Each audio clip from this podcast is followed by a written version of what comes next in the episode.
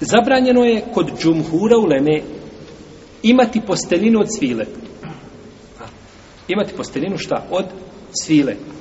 Zbog hadisa Huzeife koga bilježi Buhari u svome sahihu u kome kaže zabranjeno je poslanik sallallahu alaihi usaleme da pijemo iz srebrnih i zlatnih posuda i da jedemo iz njih i zabranjeno je da oblačimo svilu i brokot.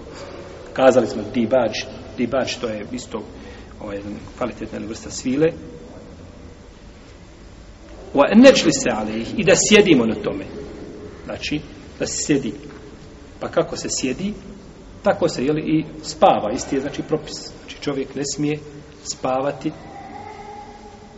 ovaj. Na takvoj postani. Žena smije. Znači, prepoliš krevet.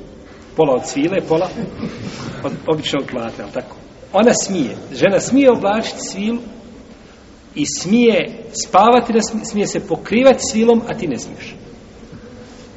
Tako je Allah propisao te barake od teha. Preko svoga poslanika, sallallahu alaihi wa sallam. Pa čovjek, znači, ako ima nešto od svile, kod kuće, kada bi imao od svile, da sjedne na to, ne smije sjedati na svile. Zna da je svila, ne smije sjedati, neka to makne, žena neka sjedi. I to odgovara prirodi žene. Uzvišen Allah kaže Evo men ju nešeu fil hilijeti Ohu je fil hisami gajru mubin Zar onaj koji je odrastao u ukrasima A kada se raspravlja Slabije Ne zna se raspravljati Žena odrasla u ukrasima Voli, je tako? Što su priče žene? Kako faljnu imaš, koliko zlata imaš, kako se sredla, kako se dotirala? Priče žene, u tome je kontekst kruži, je tako? A ne zna kada se raspravlja, ne zna se raspravljati. I svaku stvar žena koja ti kaže malo razmisli o njenom argumentu, možeš isti argument samo uzmi ga, samo ga malo preradi i vratiš ga nazad kao protuargument. Osim ako čovjek bude iskušan, jel? Ženom koja se zna raspravati, jel? U svakom slučaju, žena, evo, meni u nešavu filhilije, onaj ko odrasta u ukrasima, ko odrasta u, pa je priroda žene da odrasta šta? U ukrasima da odrasta, znači, a to je, jeli, svila joj savršeno odgovor o tom pogledu. Pa Džumhur Uleme kaže da žena, znači da muškarac šta ne smije koristiti svilu u ome kontekstu. Osim Ebu Hanife kaže ne, može.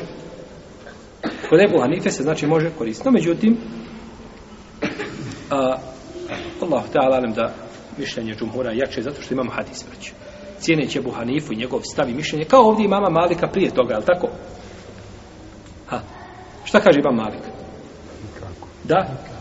Nema čega. Olakšite u pogledu svile. Nikakve. I bolesti ništa.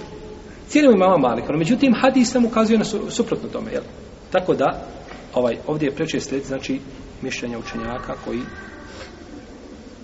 dozvoljavaju u prvom slučaju, a u drugom koji šta? zabranjuju, je li tako? Jer je Bohanife dozvolio, znači da žena i muškarac to koriste. No, međutim, ispravno je da se to ne smije koristiti.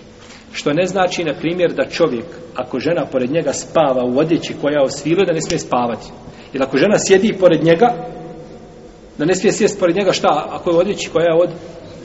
I da je on ne smije dotaknuti ako ima šta odjeći od... Ne to.